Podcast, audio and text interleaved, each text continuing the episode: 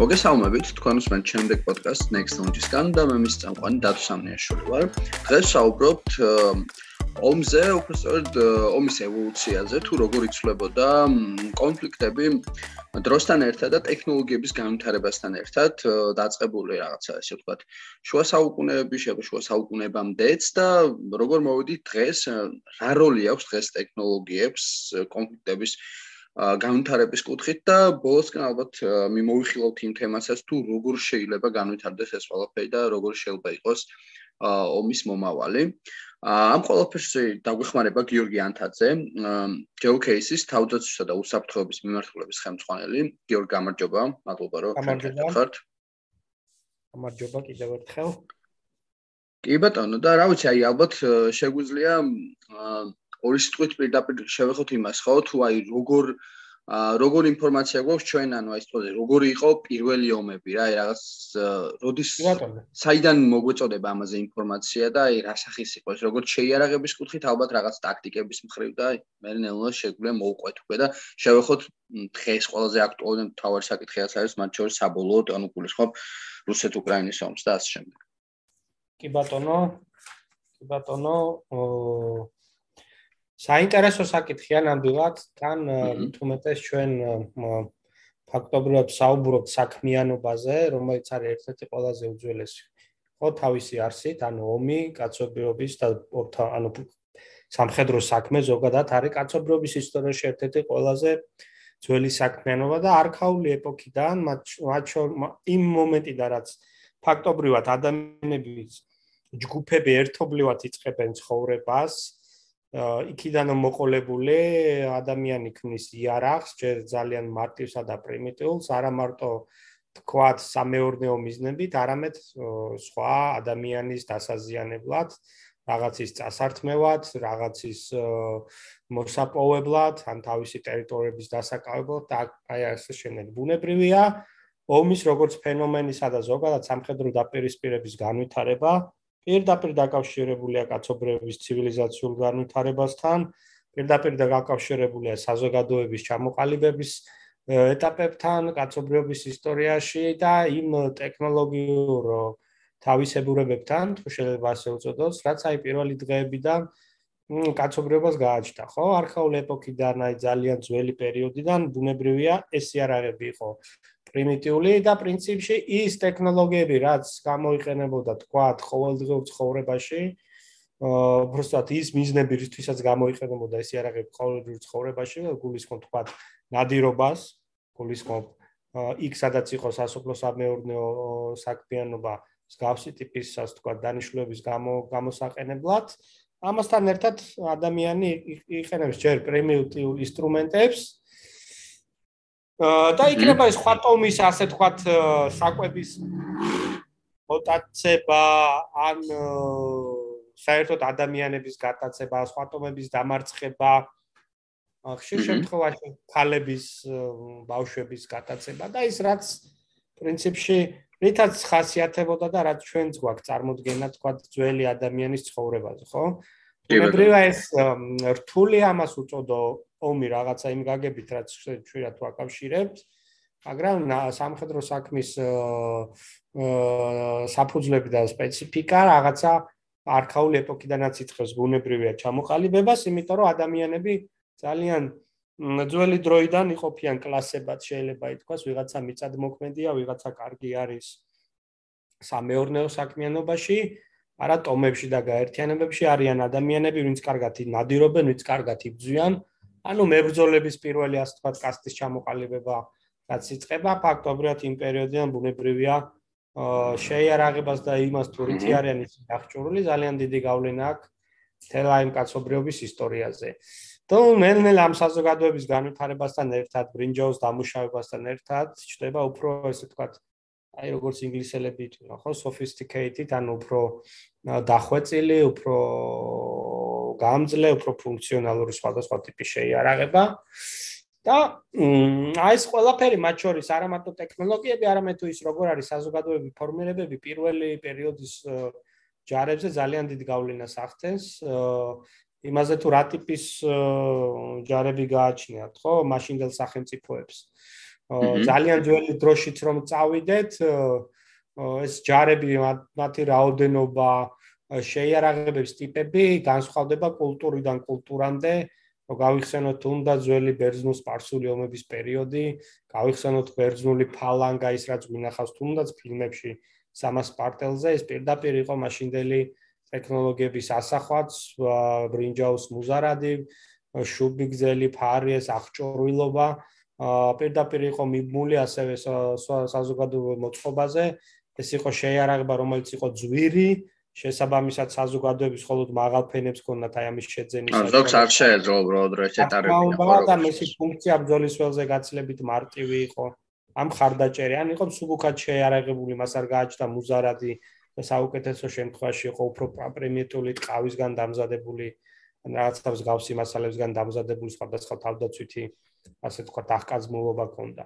აა აქედან გამომდინარე ბუნებრივია ეს შეიარაღება არა მაგალითად იგივე ფალანგის შემთხვევაში ეს ჰოპლიტი ეს შეიარაღება რაც აი რო გავიხსენოთ ახლა ვინაიდან ჩვენ პირველ რიგში ძიეხა არ გვაქვს ხო? ვიდეო კონტენტი და ფაქტობრივად აუდიო აუდიო წარმოდგენით უნდა ვისაუბროთ აი სამ სამასის პარტელი ფილმში რომ გავიხსენოთ ალბათ მაგ ჩვენ მსმენელების დიდ ნაწილს აქ უნდა უყურებია უნახავს ეს ფილმი. აი ეს ახკაზმულობა აა იმისთვის რომ აი გზელი შუბებით წარმატებით ებრძოლა ადამიანს ფაქტობრივად ჩამოყალიბდა ერთ-ერთი პირველი წარმატებული სამხედრო მანქანა ტაქტიკა ადამიანის ერთობლივი დაჯგუფების გამოყენების ეს არის ფალანგა და რამდენიმე ათეულმეტრზე წყობრად დაწყობილი სამხედროები, რომლებიც შუბების კედელს ქმნიან, ძალიან გრძელი შუბების,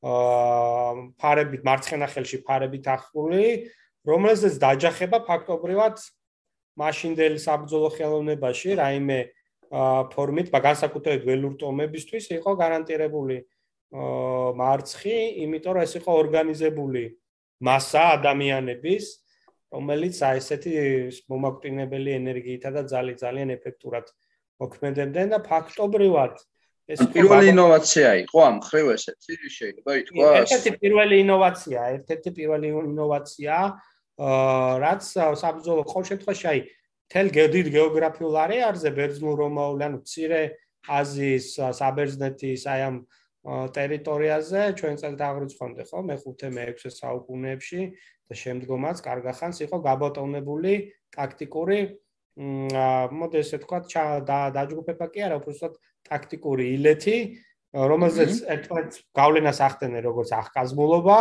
ანუ ეს შეიარაღება ასევე ის როგორც ისი ყველაზე ეფექტური გამოყენების გზების ძიებაში ჩამოყალიბდა ეს ფალანგა რო წარმოვიდგინოთ ეს არის დაახლოებით რო არ შემეშალოს ციფრი ზუსტად არ მახსოვს შეიძლება 8-12 რიგში ძალიან გრძელი შუბებით შეიარაღებული ადამიანები რომელიც რამდენიმე რიგად არიან რომელიც აი ესეთ უწყვეტ კედელს ხვდიან ძალიან გრძელი და ეს წარმოიდგინეთ ეს მასა რამდენიმე ფალანგა სინქრონ სინქრონულად მოძრაობს მოწინააღმდეგე დაჯგუფების წინა ფაქტობრივად წინიდან აი ეს რაიმის ასე ვთქვათ გაკეთება მის წინააღმდეგ ძალიან რთული ამოცანა იყო და არაერთი არმია და არაერთი მოწინააღმდეგე დამარცხებულა ამ ფალაგის ძალიან წარმატებულ გამოყენებასთან და ის სხვათა შორის მისი ევოლუციური განვითარება, ფალანგის დაშლა, იგივე манипуლა, რომელიც უკვე რომაული აა იმისთვის იყო დამახასიათებული, რომისთვის აი ეს კვადრატები იგივე ფილმებში რაც ნახავს, ხო? აი რომაული ჯარები რომ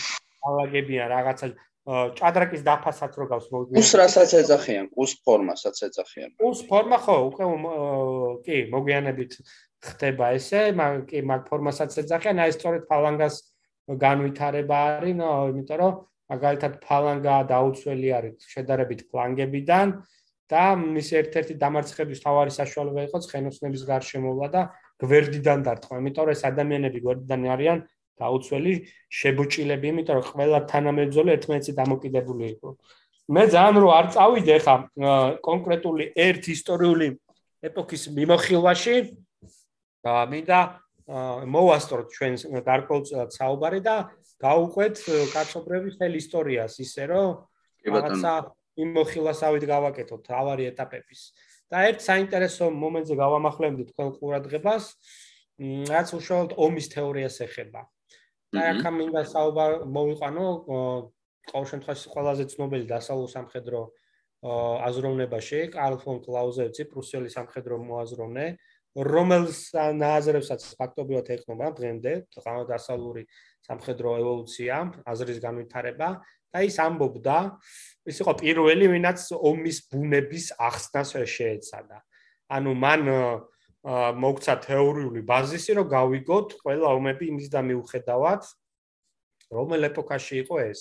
და ის ამბობდა ესეთ რაღაცას რომ იყოფა ობიექტურ და სუბიექტურ მხარეებად ობიექტური მხარე არისო ისო, რაც უცლებელია ყველა ომში, ომისთვისო.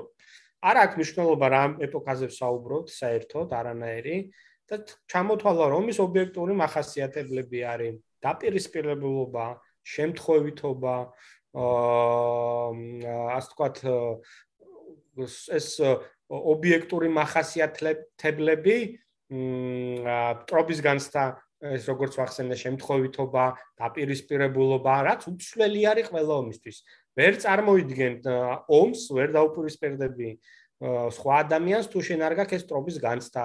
თუ არ არის რაღაცა ეს დაპირისპირებულობის მომენტი, თუ ჩვენ არაფერი არ გვაქვს გასაყოფი და მე თქვენ ზე ძალადობის აქტს ვერ ჩავიდებ ფსიქოლოგიური, მორალური მდგომარეობიდან გამო, ხო? ბუნებრივია ჩვენ შორის ვერ შედგება ომის აქტიც, რომ გავა განვაზოგადო, ხო?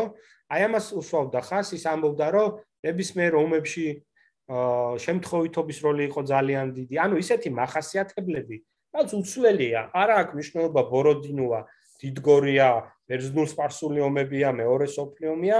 თქვენ ნახავთ, რომ ეს მომენტები მართლაც ყველა ომში არის ფაქტობრივად მოცემული. და აი სუბიექტურ მხარეს რაც შეეხება, ის ამბობდა, რომ სუბიექტური მხარე არის შეიარაღება, დოქტრინები, აღჭურვილობა, საბრძოლო გარემო, ანუ ის ფაქტობრივად რაც მუდმივად ევოლუციონირებდა კაცობრიობის ისტორიის მანძილზე და რაც ყველა ომს და ბრძოლას ხშირ შემთხვევაში ძალიან განსაკუთრებულსა და უნიკალურს ქმნიდა.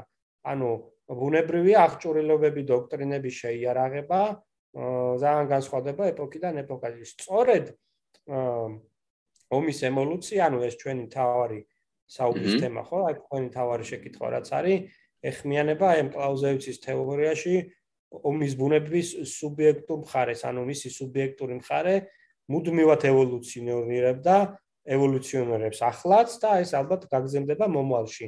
არა არა აქვს მნიშვნელობა ჩვენ გამოვიყენებთ ქვისი არ აქვს, გამოვიყენებთ შუბს, გამოვიყენებთ დამბაჩა ზარბაზანს, ავიცი, ავტომატს, დრონს თუ Facebook-ს ან Twitter-ს ომის მთავარი მიზანი არის მოწინააღმდეგეების გატეხვა.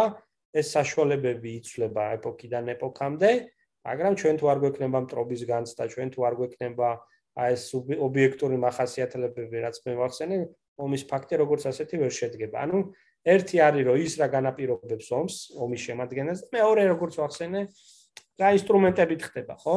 ერთ ერთ ეპოქაში მოწინააღმდეგის ნების გატეხვა მხოლოდ რაღაცა ძირითადად წმინდა ფიზიკურ პლანში შეიძლება და დაპირისპირებით, მაგრამ ჩვენ დღეს შეიძლება მოწინააღმდეგების წინააღმდეგობის ნება გავტეხოთ დეზინფორმაციით, პროპაგანდით, Facebook-ით, Twitter-ით, რავი fake news-ებით, ხო? გამოვიწიოთ სხვადასხვა ბოტებით, მთელი ამბები. მთელი ამბები. ანუ მე შენ სანამ საერთოდ ფიზიკურად თავს დაგესხმები, ისე შენ შემიძლია შენ დემორალიზება, რომ შენ მაგალითად საერთოდ სურვილი გაგიქრო ომის წინააღმდეგობის გაწევის, ან საზოგადოების უდიდეს ნაწილს გაუქრო და შენ ვინც გინდა რომ იბრძოლო ჯერ კიდევ აი ეს ტრობის განცდა გაქვს შენარჩუნებული იქნები უმცირესობაში და მე ამით მაგალითთვის გავზდი ჩემი გამარჯვების შანსს ხო? ასე რომ ეს ყველაფერი მნიშვნელოვანია. და აი შეიძლება აქ ითქვას რომ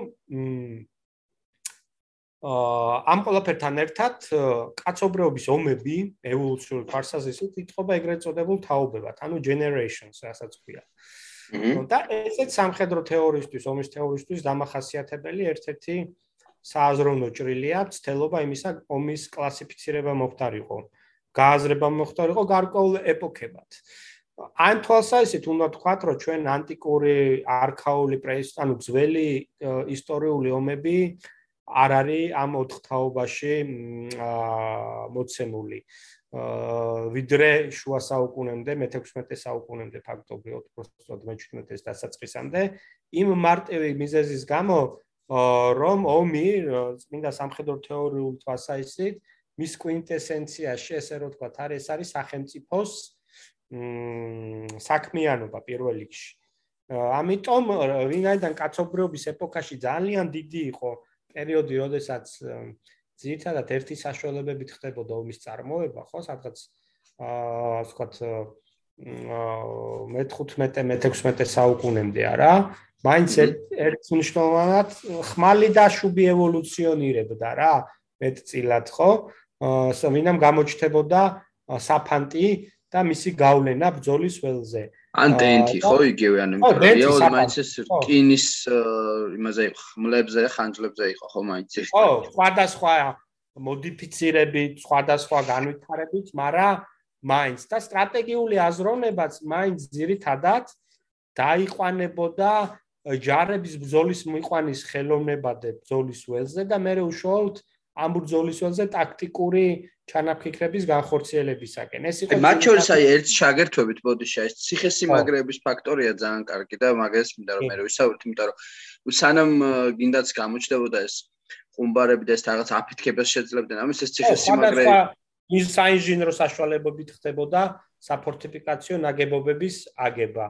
თუმცა ომის სამხედრო სტრატეგიის განვითარებასთან ერთადაც გარკვეულ ომის თეატრზე მე იმის გააზრებაც ხდებოდა რომ შეიძლება მოწინააღმდეგე ისე დაამარცხო რომ შენ დრო არ დახარჯო მაგალითად აა გამაგრებული ციხესიმაგრეების აღებას.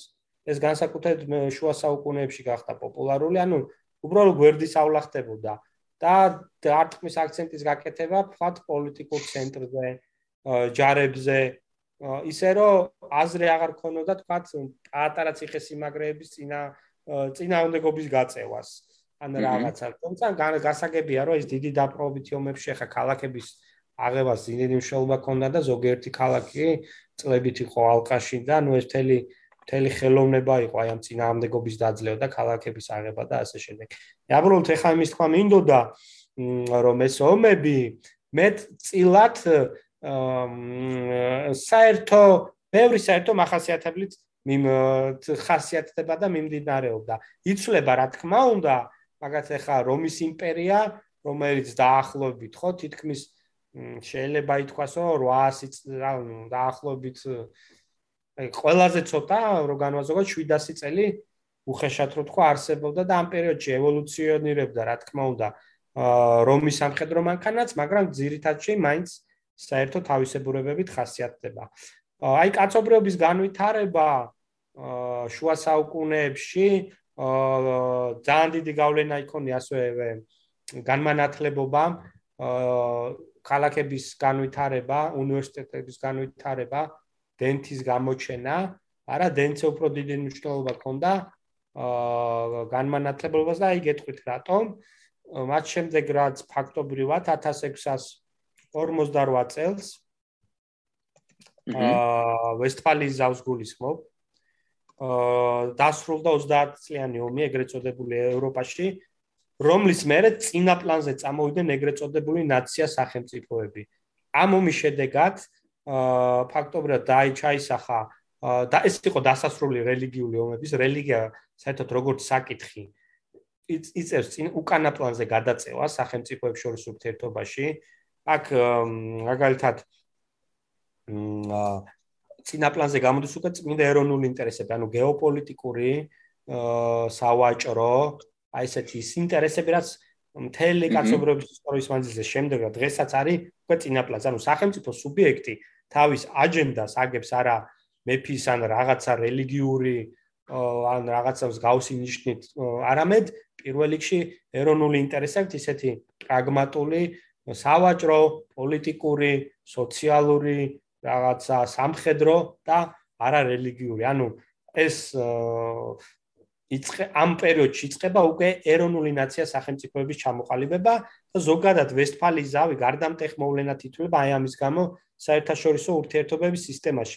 შესაბამისად, აქედან არმიებიც უკვე უფრო მრავალრიცხოვანი ხდება, ხდება აი კონკრეტული სახელმწიფოების გარშემო ჩამოყალიბება, ჩდება საფრანგეთი ეს აი საბოლოო თითქმის სახით დიდი ბრიტანია, ინგლისი, ავსტრია, მერე და მერე პრუსია, ანუ აი ეს ევროპული თეატრი მეჯლისი ხო, ნენელა იწყებს განვითარებას და მასთან ერთად ამ ეპოქაში, რომლებსაც აი სამხედრო მეცნიერები, სხვათა შორის 80-80-იან წლებში მოხდა ესე ომების დაყოფა, ამერიკელი მოაზრონეს ყოფილი სამხედრო პოლკოვნიკის უილიამ ლინდის თაოსნობით ერთ-ერთ გაზეთში, როგორც მახსოვს ესე ქვია Marine Corps გაზეთი, პირდაპირ ესე, ანუ Marine Corps magazine, ჟურნალი უფრო სწორად, 99 წელს გამოიყო დაიწერა სტატია, სადაც კლასიფიცირებულად იყო მოცემული ომის 4 თაობა და პირველი თაობა მოიცა სწორედ 1648 წელიდან 1860 წლამდე პერიოდებს.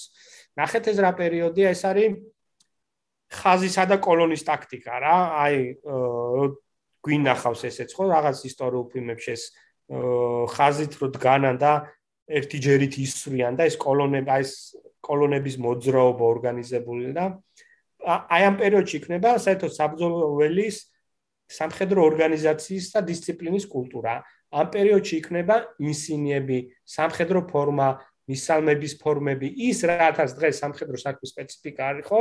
აი ამ ყველაფრის ჩანასახი ხდება სწორედ მე-17 საუკუნიდან მე-19 საუკუნის პირველ პერიოდში.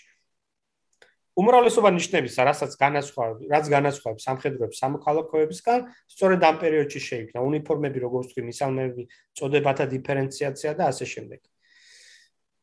აა და ანუ ეს ვესტფალ რომ არა ვესტფალიის ზავი, როგორც მე აღნიშნე, რომელიც შედეგიცაა, რომ სახელმწიფოთა სუვერენიტეტი და პოლიტიკური თვითგამორკვევის უფლება აქ გაჩნდა, სახელმწიფოთა შორის თანასწორობის პრინციპი, ერთი სახელმწიფოს მიერ მეორე სახელმწიფოს საშინაო პოლიტიკაში ჩაურევლობის თემა და ასე შემდეგ. შესაბამისად, ეს უკვე არის პერიოდი, აი ჩვენ რა თანამედროვედ გვესმის სახელმწიფოები, მისი გაგება, ატრიბუტიკი და აი ამ პერიოდიდან იწყებს ჩასახვას და ჯარის და არმიაც, როგორც აი ეს ის ერთ-ერთი ფუნქციონალი აქედან იწყებს განვითარებას. 1860-იან წლები არის ეს არის რა თქმა უნდა ამერიკის სამოქალაქო ომის პერიოდი, რომელშიც რომლემდაც ითვლება პირველი თავის ომები, იმიტომ თვითონ ამერიკის სამოქალაქო ომი ხასიათებოდა ესეთი მნიშვნელოვანი სიახლეების გამოყენებით, ინდუსტრიალიზაციით, აა артиლერიის მასობრივი გამოყენებით უკვე რკინიგზის დიდი ჩართულობით და ასე შემდეგ, ამიტომ ეს უკვე მიეკუთვნება მეორე თაობის ომებს და ჩვენ საუბარს მენელს რო უთხრათ რა არის მეორე თაობის ომი? ეს არის ინდუსტრიული პერიოდის ომები. აშშშ სამოქალაქო ომიდან მოყოლებული პირველი სოფლიო ომის ჩათვლით. ანუ აქ განვითარებულია საფრანგეთის არმიის პირველი სოფლიო ომის პერიოდში და საცეცხლის ძალის მასობრივ გამოყენებას ეხმობა ძირითადში არაპირდაპირი საარტილერიო ცეცხლის გზით. აი ეს პირველი დიდი საარტილერიო მასობრივი გამოყენებები დარტყმები სწორედ აი ეს პერიოდია რომელიც უშუალოდ ბრძოლის ველზე ხდება. მიზანი იყო ეგრეთ წოდებული აი ეს ხახუნის აი ეს ეთრიქშონ რაცა ტრენი რუსულად დოქტრინა, ეს ჩამოყალიბება, რომელიც ასევე ფრანგების მიერ ვითარდება, ძირითადად არსი რა არის? артиლერია იპყრობს, ქვეითები იკავებენ. ანუ артиლერია აზიანებს, პირველადი დარტყმას აყენებს აცეცხლეს, გამოყავს წობრიდან და ქვეითები იკავებენ, მერე უკვე შტურმზე გადადიან. ანუ артиლერიის და დენთის განვითარება აქ ახდენს უმთავრეს გავლენას და გაბატონებული ხდება артиლერია სწორედ საბრძოლო სივრცეზე და ისიც აქ სანიშნავია რომ გასაკუთრებით რა სახის артиლერია იყო მაშინ მაგალითად ანუ აი როგორც თავიდან ეს რა თქმა უნდა ეს თავიდან არის აა შედარებით სუსტი საარტილერი ანუ აი ზარბაზანი რასაც ქვია ზარბაზანი რასაც ქვია თუ დავიწყეთ ახლა მე-15 საუკუნიდან ეს არის წვრილ საკმაოდ ისეთი წვრილკარებიანი შეიძლება თანამედროვე კაგებით სადღაც 70 მმ-დან დაწყებული ქვემეხები მე იწખებს ეს ნენელა განვითარებას ჯერ იყო. ყუმბარები რომელიც აი ისკდებოდა ბძოლის ველზე. მე ნელ-ნელა მე-19 საუკუნეში იწყება აი თანამედროვე ჭურვის ჩამოყალიბება და განვითარება სადაც ამფეთქიც არის და ის ამფეთქი ისვრის ანუ წინა ნაწილს. ხო როგორც თქვი ასე არის ხო ეს დიდი რო წარმონიშნული ჭური როგორიცაა თანამედროვე სწორედ ამ პერიოდში იწყებს განვითარებას და ანუ ეს არ უკვე მეორე თაობის ომისთვის დასაღები იმიტომ რომ სიტყვაც ინდუსტრიული ომი ანუ ეს ინდუსტრია კაცობრიობის ეკონომიკური მზარდის მაღალი ტემპით განვითარება ორთქლის მანქანები ეს ყველაფერი მე-19 საუკუნესთან რაც არის დაკავშირებული დენთის მასობრივი ინდუსტრიული მასშტაბების წარმოება ხრახნიანი შეიარაღების განვითარება, ხრახნიანი ლულების განვითარება, აი ეს ყველაფერი აი ამ პერიოდში ხდება სწორედ ძირითადად და შესაბამისად დამანგრეველი ძალა უკვე ლეტალობა იარაღის 1-2-ად იზრდება და ეს ტაქტიკის ტაქტიკაზეც ახდენს გავლენას. ასეთი ბრძოლის პირობებში აი ეს ხაზობრივი ტაქტიკა მე რო ვახსენე როგორც პირველი თაობის ომის ტაქტიკა ის რა თქმა უნდა წარმოუდგენელი ხდება. კოლონა კოლონელმა ერთმანეთის წინამდე კოლმა კოლონელმა რო ამძალით რა ქვია ისროლო რაც მეორე თაობის ომში არის ბუნებრივია ნუ ეს ხდებოდა აბსურდი ახლა ნაპოლეონის ომებში რო ყავ წარმოდგენილი წარმოგვიდგენია ეგ ჯარები რო ახლა აი ეს ერთმანეთს თანამედროვე უკვე მე-19 საუკუნის შეერაღებით ესროდნენ. რა თქმა უნდა ისეთი იქნებოდა. აჰა საკმაოდ დამაზიო ნუ ეს მასიურად ერთმანეთზე მისვლა ესე ვთქვათ აღარ ხდება უკვე ამ პერიოდიდან აი რაღაც ესე ო აი მაგის ბოლო ბოლო ის არის რა უკვე ჩანასახები არის აა მისი ცვლილება ხდება სწორედ აი ამერიკის სამოქალაქო ომში უკვე ამის სახეცვლილი ფორმა არის, ანუ ძირითადი დარტყმა არტილერიაზე მოდის რა და გაცილებით მანევრული ხდება ბრძოლა. ну პირველ სოფლიო ომში ხო საერთოდ ეს იყო არტილერიის გაბატონება, არტილერია ხდება კონცენტრირებული, ძალის აცეცხლე, ძალა ზედმიწევნით სინქრონიზირებული არის ყველა სახეობის ჯარების აა თვის გამოიყენებოდა დეტალური გეგმები, ბრძანებები, მეტაურების შეზღუდულები იყვნენ და მეტწილად დამოკიდებულებები იყვნენ მათ ზემდგომებს. ანუ ეს უკვე აი ეს იერარქია სამხედროს სწორედ აი ამ მასში კლასიკურად უკვე ყალიბდება მეორე თაობის ომებში იმ ფორმით, რაც ჩვენ ვიცით და ნუ პირველი სოფლიომი აპოგეა იყო ფაქტობრივად. იმ დაგვარ დაპირისპირებაში შედიოდა ქვეითი ნაწილი, რომ ფაქტობრივად დიდი მანევრული გარღვევის არანაირი საშუალება არ იყო. ეგ მინდა რომ პირველ მსოფლიო ომზე მე კარგად ვისაუბროთ, თუმცა მან მოხდა სანგრების ომსაც ეძახიან ხოლმე, თუმცა ჩაიკეტნენ ხო რეალურად, ჩვენ ვეღარ გადადიოდნენ. დიახ, ჩაისაგრენა ძირითადი მიზანი რა იყო? артиლერიის ცეცხლის კონცენტრირება, მერე ქვეითების შეტევაზე გადასვლის ცდილობა, უზარმაზარი დანაკარგები, უკვე ტყვიარქვევია გამოგონებული და ქვეითებს ძალიან დიდი დანაკარგი ადგება და ტყვიარქვები მასობრივად ასევე პირველ აი სამოქალაქო ომში დაიწყეს გამოყენება. მაქსიმ განს ეძახიან მე მგონი, ხო ამ პირველი ტყუიამქვევი რომელიც 1888 წელს. ხო ხო ხო ხო ხო აი ეს იქიდან აი ეს პერიოდია ზუსტად.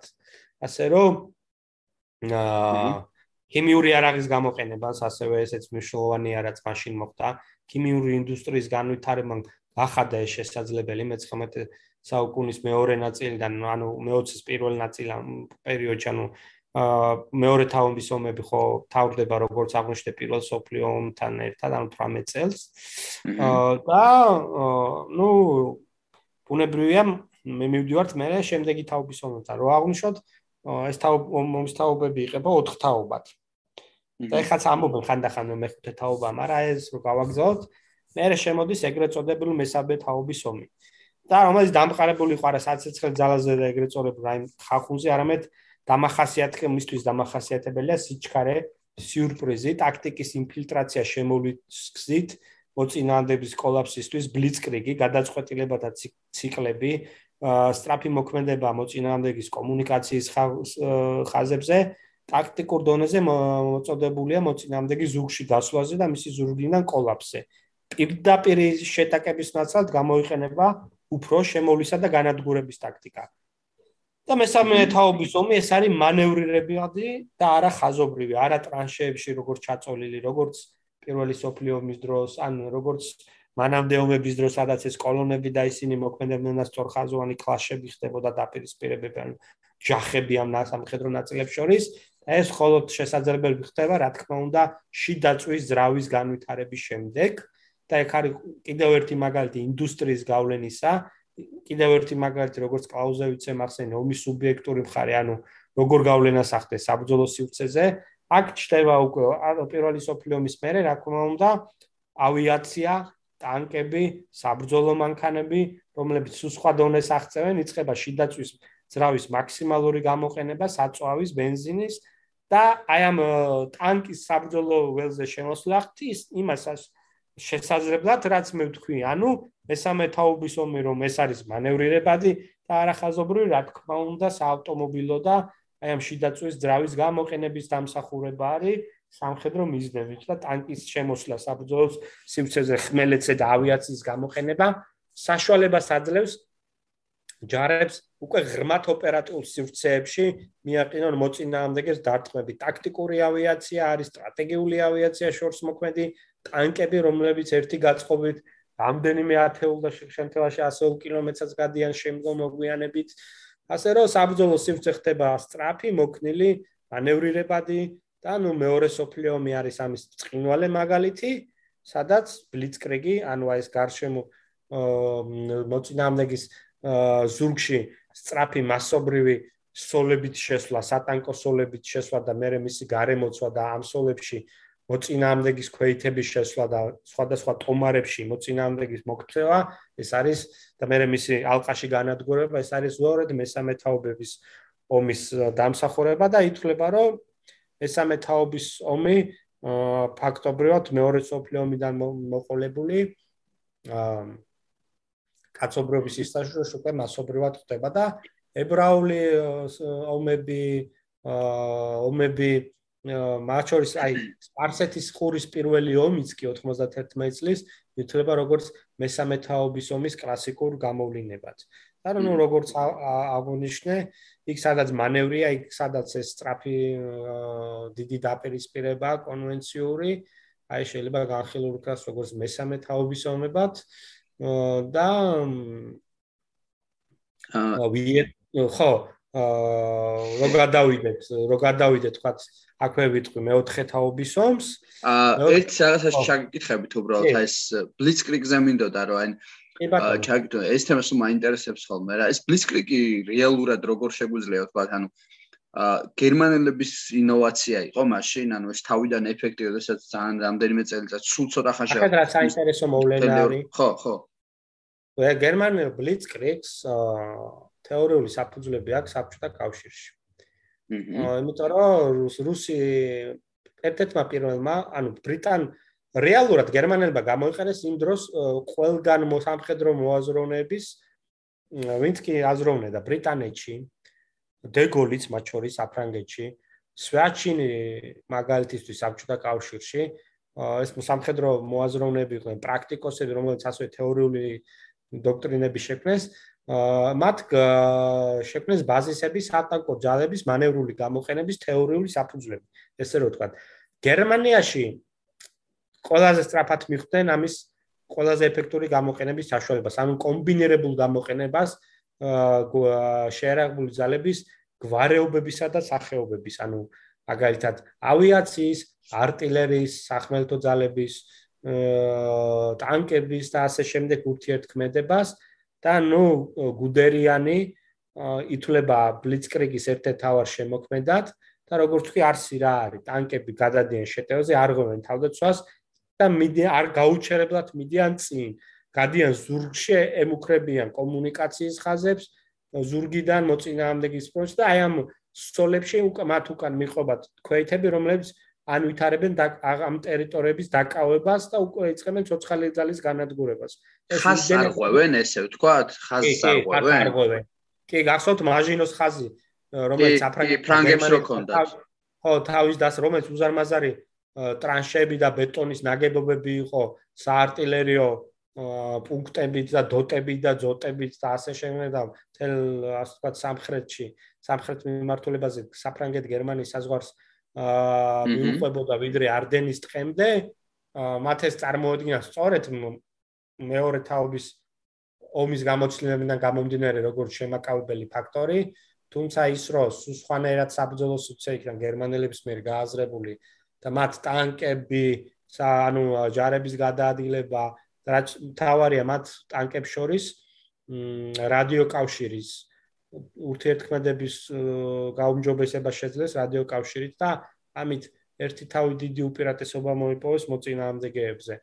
აი ამ ყველაფრის ფონზე რაკნეს გერმანელებმა მაჟინოს ხას უბრალოდ შემოუარეს არდენის ტყეებშიდან და ბელგია ლუქსემბურგის ტერიტორიიდან განვითარდა ის ცნობილი შეტევა უკავშირების წინააღმდეგ, რამაც კოლაფსი გამოიწვია საფრანგ-ფრანგული და მოკავშირეების თავდაცვის და სულ ერთ თვეში ფაქტობრივად ლამაშამდე გავიდნენ, ხო? აი ეს იყო სწორედ დამსახურება აი ამ სატანკო ჯუნკერნის ხო მაგას მოყვა ეს მოქცეული ალბათ. ჯუნკერკი იყო ბოლო ამ ოპერაციის ანუ დასასრული და ეს ჯუნკერკის საოცრება რასაც ეძახიან, ანუ ის რო არ გადავიდნენ გენერალურ შეტევას და ევაკუაციის საშუალება მისცეს გერმანელებმა სწორედ ამ ოპერაციის დასკვნითი ფაზა იყო. ну ეს ცალკე საუბრის თემაა ხა იქ რა როგორ მოხდა და რატომ ეს გერმანელებმა, მაგრამ მნიშვნელოვანი ის არის რომ ეს შენი უძვირფასესი მაჟინოს ხაზი აბსოლუტურად მოძველებული უფუნქციო აღმოჩნდა და ვერანაირი ჩანაფიქრი რისთვისაც გაკეთა ის ვერ შეაცვლა.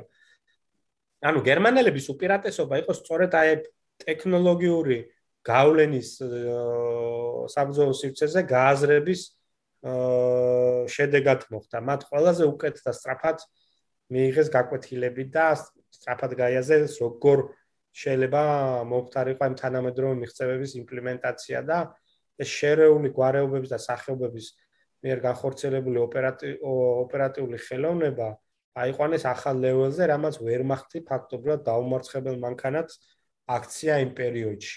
ანუ რა დიდი დარტყმა მიაყენეს ალჩთა კავშირსაც შემდეგ მალე ძალიან ყველამ კარგად ვნახეთ. და რა შეეხება ჰმმ მეოთხე თაობის ომებს. სახელმწიფო მეოთხე თაობის ომებს უთხრება, რომ კარგავს მონოპოლიას ომზე და არენაზე გამოდიან პრემოდერნისტული პერიოდის არაკონტროლირებადი კომბატანტები, ანუ არა სახელმწიფოებრივი აქტორები, ტერორისტული კომპანიები თუ აჰა, აჰა, გასაგები. ტერორისტული დაჯგუფებები, სხვადასხვა გაერთიანებები, პროქსი ძალები, ანუ არა ანუ არა სახელმწიფო სახელმწიფოს წინამდე კი არ ხდება ომი. მაგალითად ჰეზბოლაების ისრაელს ან რა ქვია ჰამასი ან რა ვიცი თალიბანი ან აი რაღაც ესეთი ძალები დედამიწის სხვადასხვა წერტილში. ანუ იქ სადაც უკვე სახელმწიფოები სერიოზულად ერთვებიან საბრძოლო მოქმედებებში არა სახელმწიფო აქტორების წინააღმდეგ. აჰა ფელი მსოფლიოს მასშტაბით სახელმწიფოები როგორც ეს არის ებრძვიან არა სახელმწიფო აქტანტებს ალ-ქაედა ჰამასი ჰეზბოლა თალიბანი ასე შემდეგ თითქოს საყვალ და სახელმწიფო უჭირს ამ წინამოწინააღმდეგების წინააღმდეგ მოქმედება და მარცხდება ხშირ შემთხვევაში. მეოთხე თაობის ომისთვის დამახასიათებელია კონფლიქტთა კულტურული ასპექტების მაღალი მნიშვნელობა. ვერგან აღიწერება როგორც ნებისმიერი ომი, სადაც ერთხარეს წარმოადგენს არა სახელმწიფო, არამედ რომელიმე ძალადობრივი იდეოლოგიური ქსელი. წაშლილი ან თითქმის შეუმჩნევლია, რაც ძალიან მნიშვნელოვანია, ზღვარი ომსა და პოლიტიკას, ჯარისკაცსა და სამოქალაქო შორის. შვიდობასა და კონფლიქტ შორის, ძოლის ველსა და უსაფრთხო ზონას შორის მაგალითად. აი ცოცხალ ფარათო იწყებენ ქალაქში მოსახლეობის აფარებას, ხო, მაგალითად ისრაელის წინააღმდეგ აა ჰეზბოლა ჰამასი, აი სწორედ ეს დამახასიათებელი თვისება. კიდევ ერთი მნიშვნელოვანი ფაქტორია, რომ მიზანი ეს არის ტექნოლოგიურად აღემატებული მოწინააღმდეგის გამარჯვების ნების გატეხვა. შეიძლება ესეც მნიშვნელოვანია რომ ამ არა სახელმწიფო აქტანტების ხელში ხდება ისეთი დამანგრეველი ძალის შეიარაღების მოხვედრა რომელიც ადრე მხოლოდ სახელმწიფოებს ჰქონდათ. საზაინტო სარაკეტო სისტემები ტერორისტ სხვადასხვა მინძური ბომბები აა სტრაფონ მასობრივი განადგურების იარაღში იარაღის ხელში ჩასაგდებად. ტერორისტული შეტევები და ამ ტერორიზმის და ტერორის გამოყენება მოწინააღმდეგის ნების გასატეხად და იძულება რომ რაღაცაზე დაითანხმონ პოლიტიკური დივიდენდების მისაღებად, ხო? აი ეს ეს არის ძალიან მნიშვნელოვანი მახასიათებელი მეოთხე თაობის ომისთვის. მაღალი ტექნოლოგიების გამოყენება, ჩახლართული რთული ფსიქოლოგიური ოპერაციები, მედია манипуляციების გამოყენება. აა ფრონტის ხაზი ფაქტობრივად აი არ არსებობს რა. აა არასახელმწიფოებდა ტრანსნაციონალური არეალი და ბაზისი, ანუ აა მაგალითად იგივე ტერორისტული ქსელები ხო მთელ დედამიწას მოიცავენ და ერთ ადგილზე რაღაც ფრონტის ხაზი არ გააჩნიათ ხო ერთ ადგილზე არ არიან გამაგრებულები არამედ დეცენტრალიზებულები არიან მაქსიმალურად და ისე მოქმედებენ სახელმწიფოების წინააღმდეგ ეს ამანასაც გამგარემო შექმნასაც რა თქმა უნდა ტექნოლოგიურმა და საზოგადოებრივმა კაცობრიობის ცივილიზაციურმა განვითარებამ შეუწყო ხელი. პირველ რიგში ამას შეგვიძლია ჩვენ დავარქვათ გლობალიზაცია. ну ახალი ტექნოლოგიები დრამატულად გაზარდა მცირე ჯგუფების ეფექტურობა, ახალი ტექნოლოგიების გამოყენება, ატომური ბომბი, ტანკი, რაკეტა, მობილური კამიკაძეები და რა ვიცი ეს ყველაფერი, ხო? უცებ ხელმისაწვდომი ხდება. გლობალური მედია შესაძლებელს ხდის манипуляციების უმაღლეს დონეებს, გამოვლინებას და საშუალება ეძლევა რაღაც ტერორის ხმა მიაწვდინოს დედამიწის სხვა წერტილში. ვიღაც თავის დაინტერესებულ ასე ვთქვათ ხარეს. ძალიან ჩქარდება ფულისა და რესურსების მოძრაობა დიდია გლობალური კავშირები გახსნილი საზოგადოება ეკონომიკა და ნებისმიერი სახის ცოდნის ხელმისაწვდომობა ზრდის ამდაგვარი სირე ჯგუფების ეფექტურობას და ну ეხა კვინტესენცია შეიძლება ითქვას ხო? ის რაც გააკეთა ალ-ქაიდამ 2001 წლის 11 სექტემბერს ორი თვითფრინავის გატაცებით სწორედ აი ამდაგვარი ომის გამოვლენა მეოთხე თაობის ომის ორი თვითფრინავით სახელმწიფოს დაეჯახნენ ესე ვთქვათ ხო? რამდენიმე თვითფრინავით უფრო სწორედ ორი თვითფრინავით ნამდვილ აი ეს მეოთხე თაობის დამახასიათებელი ომებია ეგრეთ წოდებული ამბოხი ომი სადაც სახელმწიფო მეწილად ებრძვის არასახელმწიფო რაქტორებს სხვადასხვა თელი მეოცე საუკუნე ფაქტობრივად თუ არ ჩათვლით მეორე სოფლიო ომს მსგავსი ომებით ხასიათდება და ეს თანამედროვე ომებიც მე სპარსეთის ომის შემდგომ პერიოდშიც ისრაელის ომები ჰამასთან აი ხაც რო იყო ბოლოს ისრაელში ხო მასობრივი დაშარჟი რომ შაშა ხო გახსოვთ სარაკეტო დარტყმები კიდაპირ და მოსახლეობის სოციალ ფარად გამოყენება ამ ჯგუფების მიერ. აი ეს ეს ითვლება სწორედ მეოთხე თაობის ომებად. უნებრივია, აა სანამ ტექნოლოგიები განვითარდება, მუდმივად მოხდება ამ ყველაფრის საბრძოლო სივრცეზე შემოტანა. დღეს დრონების გავლენა ბრძოლის ველზე მაგალითად თვალშისაცემი არის და ეხლაც უკრაინაშიც და ყარაბაღშიც ხო საერთოდ აი როგორ გამოიყენებოდა შედარებით უსაფრთხო ცის პირობებში საბრძოლო დრონები ყველა კარგად ხედავდით. ანუ სატელიტების მაქსიმალურმა განვითარებამ შესაძლებელი განახლა GPS სისტემების განვითარებამ ძოლის ველზე დრონის შემოტანა და მისი ძალიან დიდი ეფექტურობა, ხო? აა ჩვენ უნდა გვახსოვდეს, რომ აა თეორიის თვალსაჩინო მოწინააღმდეგ ომის თავარი ჩანაფიქრი რა არის, რომ მოწინააღმდეგის წინააღმდეგობის ნების გატეხვა. უნდა ვაიძულოთ, რომ ის ჩვენს ნებას დახყვეს. ეს როგორ გაკეთდება რა სახის შეიარაღების გამოყენებით არის მეორე ხარისხოვანი ამოცანა. პირველი შეიძლება იყოს ეს სამხედრო მანქანა, მასობრივი ამოქმედება ის რაც თქვა ხა პუტინი ცდილობდა უკრაინაში. შეიძლება იყოს რამდენიმე ადამიანის ლიკვიდაცია, შეიძლება იყოს ფსიქოლოგიური და საინფორმაციო ოპერაციები, როგორც დასაწყისი აღნიშნე. მოკლედ, რაც კონკრეტულ ვითარებაში კონკრეტულ გარემოში არის ყველაზე ეფექტური იარაღი, ის გამოიყენება მოწინააღმდეგის წინააღმდეგობის ნების გასატეხად. მასობრივის დეзинფორმაცია, ტროლბოტაობა, ეს ყველაფერიც და საზოგადოების პოლარიზაცია, დაპირისპირებულობა, არაერთიანობა, ის რაც მაგალითად ეხლა ჩვენ საზოგადოებას ჭირს, ხო? რა თქმა უნდა, შეიძლება იყოს ასეთი წინაპირობის შექმნის ცდილობაც. ანუ საინფორმაციო ფსიქოლოგიური ოპერაციების არეალია სუფთა და ბუნებრივია სოციალური ქსელების განვითარება, ანუ ციფრული კომუნიკაციების ამ მიმართულებით განვითარება სულ სხვა დონეზე აიყვანა ომის, ანუ საბრძოლო სივრცის ისეთი მნიშვნელოვანი კომპონენტი, როგორც საინფორმაციო ფსიქოლოგიური ოპერაციები არის. ამიტომ აქ პირდაპირ პირდაპირ რა თქმა უნდა ჩანს ეს გავლენა. რაც შეეხება მომავალს, მაგალითად, პირადად ჩემი აზრი აღონც არა მარტო ჩემი ბუნებრივია, რომ ხელოვნური ინტელექტი იქნება ალბათ სავარაუდოდ ის გარდამტეხი ფაქტორი, რომელიც უკვე მეხუთე თაობის ომებს, ანგრევად მეექვსეს უკვე სულთა თეორიული გემოვნების ამბავია, ზოგი ამბობენ რომ ეხლა რაც ხდება ეს უკვე მეხუთე თაობა, ვინაიდან კიბერსივრცე შემოდის ძალიან დიდი დოზით, მაგრამ ნუ არ არის ამაზე აკადემიური კონსენსუსი, არა არ არის გადამწყვეტი მნიშვნელობის თქვათ ასე რომ იქ სადაც ხელოვნური ინტელექტი იქნება გადამწყვეტი ჩემი აზრით ანუ თუ მაგალითად იგივე მასობრივად იქნება გამოყენებული ხელოვნური ინტელექტის მე მართული თქვათ შეიარაღებული სისტემები ბრძოლის ველზე, ალბათ იმას შეიძლება უკვე უწოდოთ მომავალი თაობის ომი, თქვათ მე-5 ან მე-6, ხო? და ალბათ მომავალში მთავარ გავლენას სწორედ ხელოვნური ინტელექტის განვითარება მოახდენს საბრძოლო სივრცეზე. ანუ ტექნოლოგი კაცობრიობის ტექნოლოგიის განვითარების იქ ისედაც საიტკენაც მივდივართ ხო ეს არის ხელოვნური ინტელექტის შესწავლა მისი მაქსიმალური ათვისება გამოყენება თუ ამის იმპლემენტაცია რა თქმა უნდა და ალბათ მოხდება. თუ გარკვეულწილად ის ისედაც მოქმედებს დღევანდელ საბრძოლო სივრცეში. მაგრამ მე უფრო ესე უყურებ, იქ სადაც ხელოვნური ინტელექტი არა ადამიანის მართული არამედ თვითონ დამოუკიდებლად მიიღებს გადაწყვეტილებებს საბრძოლო სივრცეზე, რა არის მიზანი, რა არის ტაქტიკური ამოცანისთვის აუცილებელი პირობა, პრიორიტეტების გარჩევას ისწავლის და ამის მიხედვით მოახდენს სისტემების გადაჯგუფება, გამოყენებას და სამხედრო დანიშნულების ამოცანების განსაზღვრას, აი ალბათ ეს იქნება შემდეგი ეტაპი. ეს არის ჩემი აზრი, რაც შეიძლება ითქვას. ერთი ის არის უბრალოდ აი რო ამბობდით ახლა აი კონფლიქტებზე ხო ბოლო დროსაც ხდება რა. მან ის ფაქტორიც არის რომ მასიური დაპირისპირება ის სახელმწიფოებს შორის ღია თლად არ ყოფილა, ხო?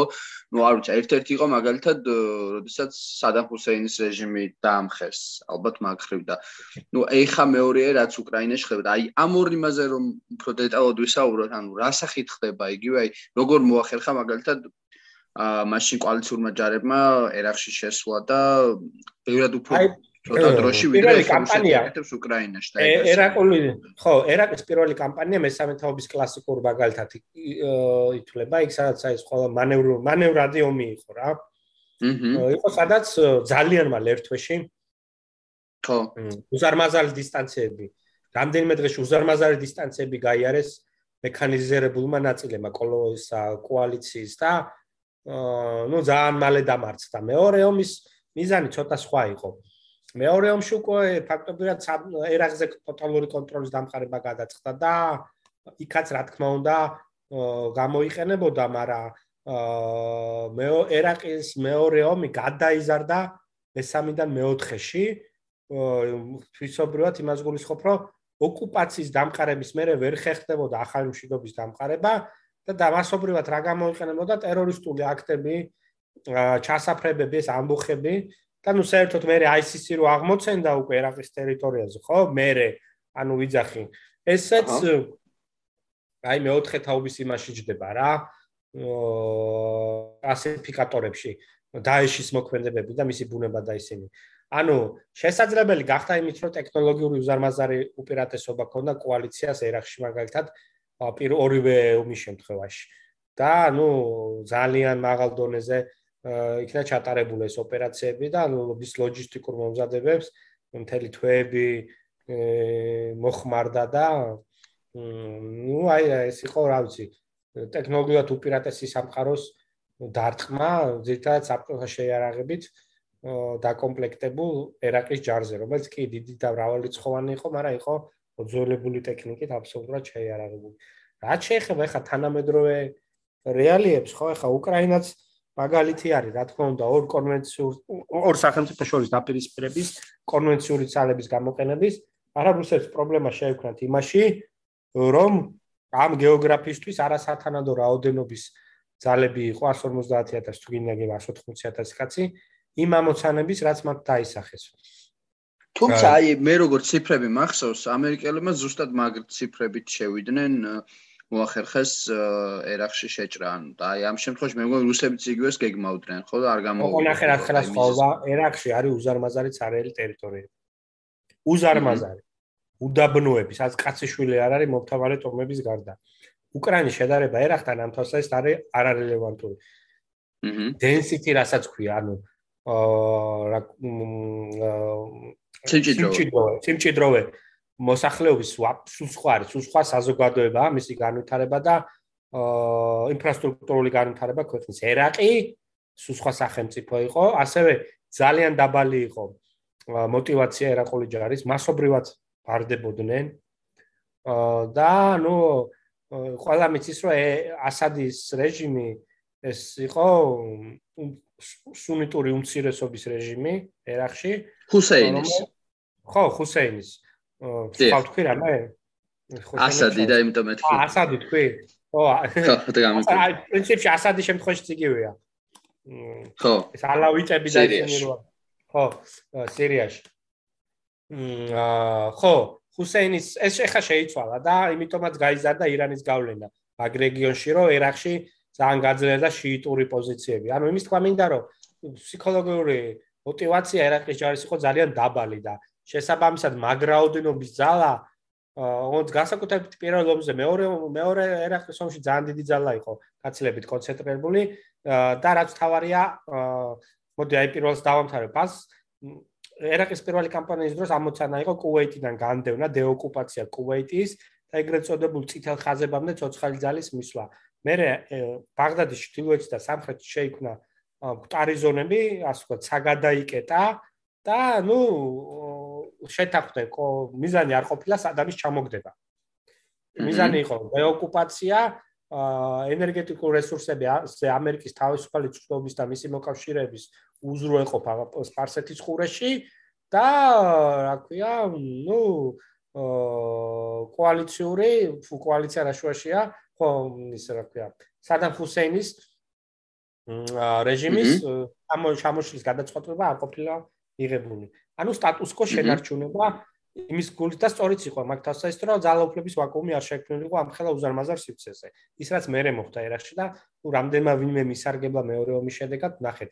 რაც თავარია განსხვავებით უკრაინისაგან ამერიკელებმა და ზოგადად კოალიციამ წინვალად მოახერხეს ავია საავიაციო კომპონენტის სინქრონული მასობრივი დიდი გამანადგურებელი ძალით გამოყენება რასაც რუსები ვერ ახერხებდნენ ვერც ერთი დღიდან მოყოლებული უკრაინაში. ანუ რუსული ავიაციის მოქმედება იყო გაფანტული, არაკონცენტრირებული საკმარისად და ვერ ვერ უზრუნველყოფდა საცეცხლ მხარდაჭერა სათანადოს თავისი სახმელთო ძალების. ოდესაც ეხლა გეტყვი 60% თუ რაღაც თუ სწორედ მახსოვს ერაყის ომში დანაკარგების ავიაცია მუზრუელყო.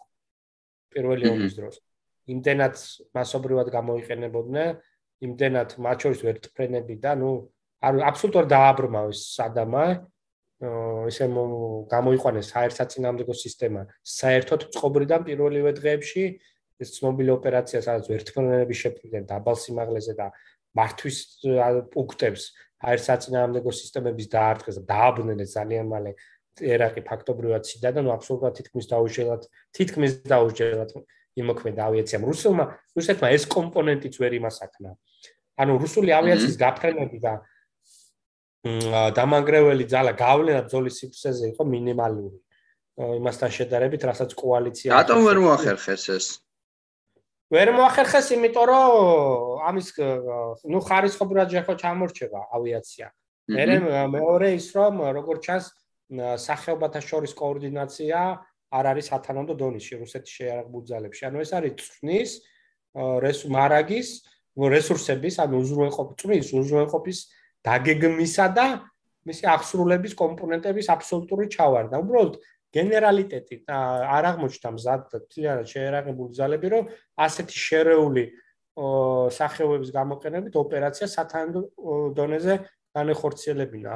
ამხელა გეოგრაფიულ არეალზე ეს უკრაინა არ არის სირია, სადაც ლატაკიის ბაზიდან აფრენილი თვითფრინავები რაღაცა დანგრეულ ქალაქებში საცეცხლ დარტყმას მიაყენებდნენ. უკრაინა შეძლო ჰაერსაწინააღმდეგო სისტემების როგორც ჩანს საკმაო ნაწილის დაცვა პირველადი დარტყმების მერე, როგორც ხედავთ, აი დღეს უკვე რუსული დანაკარგები ავღანეთში 10 წლიან დანაკარგებს გაუტოვლა და ზოგიერთ კომპონენტში გადაასწრო კიდევაც რაც რა თქმა უნდა კატასტროფა არის ორი თვისთვის. მე თუ მკითხავ და არა მარტო მე. კი ბატონო. აა და მათ შორის არის ძალიან საინტერესო არის თვითონ და ჯგუფების შორის დაპირისპირებები ხედავთ რომ ანუ ეს არმია არმიაზე შეტაკების მსგავსიც კი არაფერი არ ხდება. ხო რაღაც თითქოს აი ორი ტანკი სამ ტანკს ებძვის და რაღაც. ეს იმით აიხსნება ერთი მხრივ რომ ანუ თანამედროვე შეიარაღების ფონზე ბევრი მეომარი ერთად რო გააერთიანო შეიძლება პირდაპირ სარაკეტო დარტყმა მიახენო ამას. ეგ ერთი ალბათ ამით აიხსნება თუ კი მივხვდი ჩანა რასაც მეუბნები? ისტორიულ მაგალითს მოგიყვან. იგივე გეოგრაფიულ სივრცეზე. აი როგორც შენ ამბობ ხა რომ აი არმიები აი როგორც წარმოგვიდგენა რომ ტყეში ველში გაშლილი ჯარები რომ მიდიან და რაღაც ხო? აი მათ შორის როგორც გერმანელები აკეთებენ ბლიცკრიგი რომ ხო აი მეორე სოფლიო ომის დროს აი დნეპრის გასულ სადაც ახლა ფრონტია ხო 4 მილიონი ადამიანი და ორივე მხრიდან. აი მაშინ იყო ეგ მასობრიობა 120.000 150000 ადამიანი და რომელიც ყველა მებრძოლი არ არის. იქ არის მძღოლი მეკავშირე უზრუნველყოფა მექანიკოსი რაღაცა ამ ხელა კონცენტრაციას ვერ მოახდენ, ვერ მოახდენ თან ყველაფერთან ერთად. შეერჩა წელიწადი ძალიან ცუდი დრო, ატალახებული, აშლამებული პერიოდი, ჯარები გადაადგილებოდნენ მხოლოდ ავტობანებზე და რაც ძალიან მთავარია, მოლოდინი რა გაქვს მოწინააღმდეგის და როგორც ჩანს, პუტინს და რუსეთს მოლოდინი ქონდა, რომ ჩამოიშლებოდა ორ დღეში წინააღმდეგობა, რომ ხელგაშლელი შეხვდებოდა მოსახლეობა, რომ კიევში პავრობას დაახოვნე რამდენიმე დღეში და დივერსიული ჯგუფები, ათეულობით დივერსიული ჯგუფი მოქმედებდა პირველ დღეებში, როგორც არესტოვიჩმა თქვა, 30-მდე თუ 35-მდე ის დავაკავეთო. და ნუ ეს გოსტომელზე ვერთმნენებით იერიში დესანტის გადასხმა იქვე კიევთან. აი, როგორც ჩანს, უფრო საინფორმაციო ფსიქოლოგიური შოკის მოხდენა უნდათ, ამას დაუქვემდებარე სამხედრო მიზნები, სამხედრო მანქანის მოქმედება, აღმოჩნდა რომ რეალობა სხვა არის. რატო ქონდა პუტინს ეს მოლოდინები? ამას მიზანმიმართულად აწვდნენ ამ ინფორმაციას თუ ის ფული რაც ამ რეალობის შესაქმნელად იყო გამოყოფილი მართლა გაიფლანგა კორუფციის გამო რუსეთში და არანაირი მეხუთე კოლონის შესაქმნელად უკრაინაში ეს არ მოხმარებულა შესაბამისად ამ რეალობაში დაწყებული ოპერა შენ თუ არ ელოდები რომ არმია არმიაზე მოგიწევს დაჯახება და გააყოლები ავტობანებს ტრასებს ამ შენ ჯარებს ამ იმ სურათს მიიღებ რაც თქვი ანუ რა აკომპლექტებს რუსული ჯარი როგორ მოქმედებს? ტაქტიკური ბატალიონი ჯგუფის ანუ ბატალიონი გამოდის დაახლოებით 1000 კაცამდე 700-800 კაცი საჩქაროდ გაძლიერებული უბრალოდ თავისი რამდენიმე კომპონენტით артиლერიით საზერნიტო სისტემებით საინჟინროებით ამას ქვია რაღაც ამას ქვია ბატალიონი ბატალიონის ტაქტიკური ჯგუფი. შესაბამისად ამას არეალი გეოგრაფიულიც არის განსხვავებული მათ არ შეუძლიათ აი ეს მასობრივი აა შეტევის განხორციელება, რაზეც ახლა ჩვენ ვახსენეთ, ხო? აი, მე მეორე სოფლიო ომზე სანამ ფილმებში ანუ ესეც გვინახავს, ანაც ჩვენს მე ნახსენებ ომებში იყო, როდესაც დიდი სამხედრო ხა დივიზია რო უტევდა. მაგალითად ამერიკული ხო, სატანკო დივიზია ერახში სამ დღეში იყო გასული, რა ვიცი, რა 300 კილომეტრზე თუ რა 600 კილომეტრზე იყო. აღარ მოხდეს, აღარ მინდა ციფრები არ მინდა შემეშაოთ. უზარმაზარი გეოგრაფიული სივრცეები გაიარეს რამდენიმე დღეში ამერიკულმა ტანკებმა ერაყის დასავლეთით. ეს არ მოხდა, იმიტომ რომ როგორც ჩანს მოლოდინი არ იყო საერთოდ ამის საჭიროების. და ამის ის რო ეს მოხდარიყო ამის არც რაოდენობა იყო ცოცხალი ზარა მიზიდული არც გარემო ბუნებრივი პირობებისთვის შესაბამისი პერიოდი იქნა არჩეული შეტევისთვის და ნუ ეხა ის მეორე ფაზაზე კონცენტრირდნენ დონბასის აჯუქებაზე სულიად შეცვალეს მისი სამხედრო ამოცანა. იმიტომაც იყო ალბათ რომ ჩარჩნენ ამ კიევისკენ მიმავალი უმიზნოდ ჩარჩენილებს გავდნენ ხო რეალურად ეს სამხედროები. აჰა. ხო. ზუსტად ასე. ანუ კი ბატონო და აი ამ მოსემულობიდან თქვენ როგორ წარმოგიდგენიათ სიტყვაზე? რა გაგრძელება შეიძლება ქონდეს ამ კონფლიქტს? აი ამ გამოცდილებებით ან თანამედროვე ომზე დაგვირვებით ასე შემდეგ.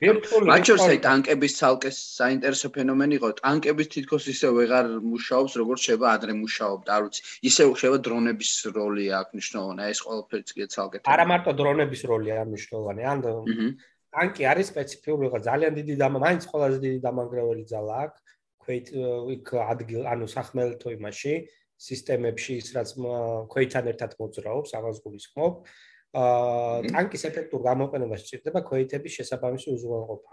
როდესაც უაზროდ სალე მარტო ტანკი ქუჩაში მიბოდიალობს, ისე რომ უსაფრთხოების უზრუნველყოფა მისი არ ხდება, ანუ მას არ მიყვება ის სირიის ომის კადრები ხო გაქვთ ნანახი. აა იქ ძალიან კარგად ჩანს როგორ გამოიყენება ეფექტურად ტანკი ქალაქის პირობებში.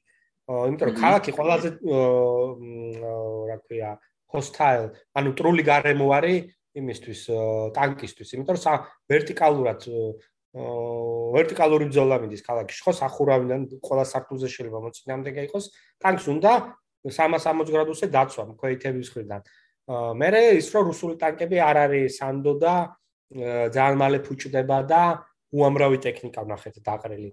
ანუ რუსეთს პრობლემა აქვს ტანკის სწორ გამოყენებაში, გარდა იმისა, რომ რა თქმა უნდა, ხა აბრამსის ახალი მოდიფიკაცია უკეთესია ვიდრე რუსეთის ის ძირთადი ტანკი ვიდრე T72 B3-ები, რომელიც ძირთადი ტანკი არის რუსეთის შერაგუზავში. პლუს ტანკსაწინააღმდეგო სისტემები, რომელიც იყო მასობრივად მიწოდებული, ხარისხობრივად აა ძალიან კარგები, იმათ უდიდესი გავლენა იქონია სამ არამატო ტანკებზე, არამედ ჯავშან ტექნიკის იმაზე გამოყენებაზე რუსეთის მხრიდან.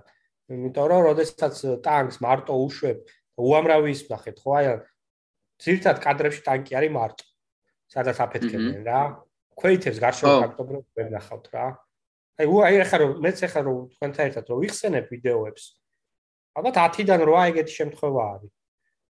ან ნაღზე ფეთქდება მარტო ტანკი, ან ტანკს შორიდან ესვენ. ისა იმიტომ რომ აა მე ყველაფერთან ერთად ეს ტანკები როგორც ჩანს არის ხოლმე ყველა სათანადოდ მოდერნიზირებული. ეს ბევრი რამე მოკლედ მითი და ლეგენდა და პიარი აღმოჩნდა რუსული სამხედრო მანქანის და იქ სადაც ფული იჭმევა, რომელიც უნდა მოდერნიზაციას მოხმარდეს რეალურად და აქტიური თავდაცვის სისტემა დაყენეს. ზოგიერთ ტანკებზე ფოტოები გავხსნით და უკუღმა ამ ამოტრელებულ უკუღმა ეხენა ინფრაწითელი აღმოჩენის სისტემები. აქვია ხო ხო ხტები ანუ რა რა ხარისხობრივ მდგომარეობაზე საერთოდ შეარაღბუძალების საუბარი ანუ პოტომკინის სოფელი როა ეს ფრაზა აღმოჩნდა რომ შოიგუმ ტყილად არ გაზარდა ხუთჯერ პიარის დეპარტამენტი თავდაცვის სამინისტროში და ბევრი რამე ვიდეო კადრებზე ხდებოდა და ფურცელზე ხდებოდა და მილიარდები შეჭმული აღმოჩნდა სინამდვილეში. ატობიობის ერთობლიობამ განაპირობა ეს სამხედრო კოლაფსი. ანუ მე მაგალითად ყოველთვის ვეწინააღმდეგები ხოლმე იმ აზრს, რომ აი ტანკის ის დამთავრდა. რა ქვია ბზოლის ძველზე. რატო არ დამთავრდა სხვა საბრძოლო სივრცეებში, სადაც ეფექტურად ვიყენებ? თუ დრონების წინააღმდეგ იბძვი, ეფექტურად შესაბამისად შენი ტანკი უკეთესად დაცული იქნება. თუ ტანკებს უაზროთ, ეხლა მარიუპოლში იყო ეგეთი კადრები. უაზროდ რომ შეუყარ შეუყარნე ხარ?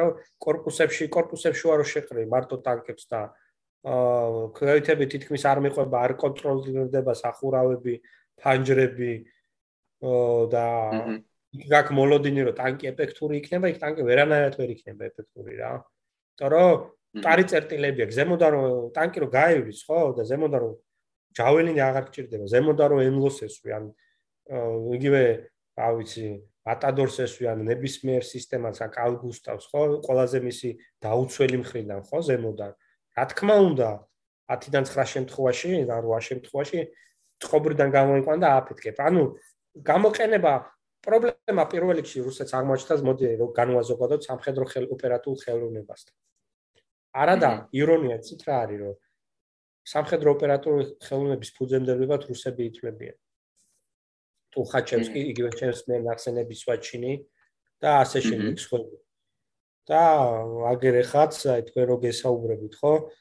უბრალოდ სრულად შემთხვევით გახსნილი მაგ PDF-ი რომელსაც ქვია History of Operational Art. და სწორედ საბჭოთა კავშირის როლზე არის საუბარი და იმაზე რუსულ როლზე რუსები იყვნენ ერთ-ერთი პირველი საბჭოთა კავშირში ვინაც ამის ესეთი ჩამოყალიბებული დოქტრინალური დაშრომები მოგცეს. აი ეს არის სახელმწიფოს მანქანა, სახელმწიფოს გაგზელება შეიარაღებული ძალები და რაც მისი ტექნოლოგიური რესურსია, რაც მისი სახელმწიფოა იგივეა ჯარიც რა. რაც რუსეთია ის ჯარი. აი გარი ამის მარტივი პასუხი. ორუმპირებული შეიძლება ითქვას, ორი. ერთ-ერთი, ხო, რა თქმა უნდა, ერთ-ერთი თავარი მიზეზი ეგა. აჰა. კი ბატონო, და ნუ ამის ფონზე როგორ შეიძლება შეიძლება ძალიან გაიწელოს ეს კონფლიქტი ალბათ, ხო? ხო, ამაგაზე კითხვა პასუხის გაცემა დამავიწყდა. ხო. დიდი ალბათობა მე მე პირადად მე არ მაქვს მოლოდინი რომ ეგ ეგრეთ წოდებული მეორე ფაზა რაღაც დიდად წარმატებული იქნება რუსების. მედი არ ვწდები.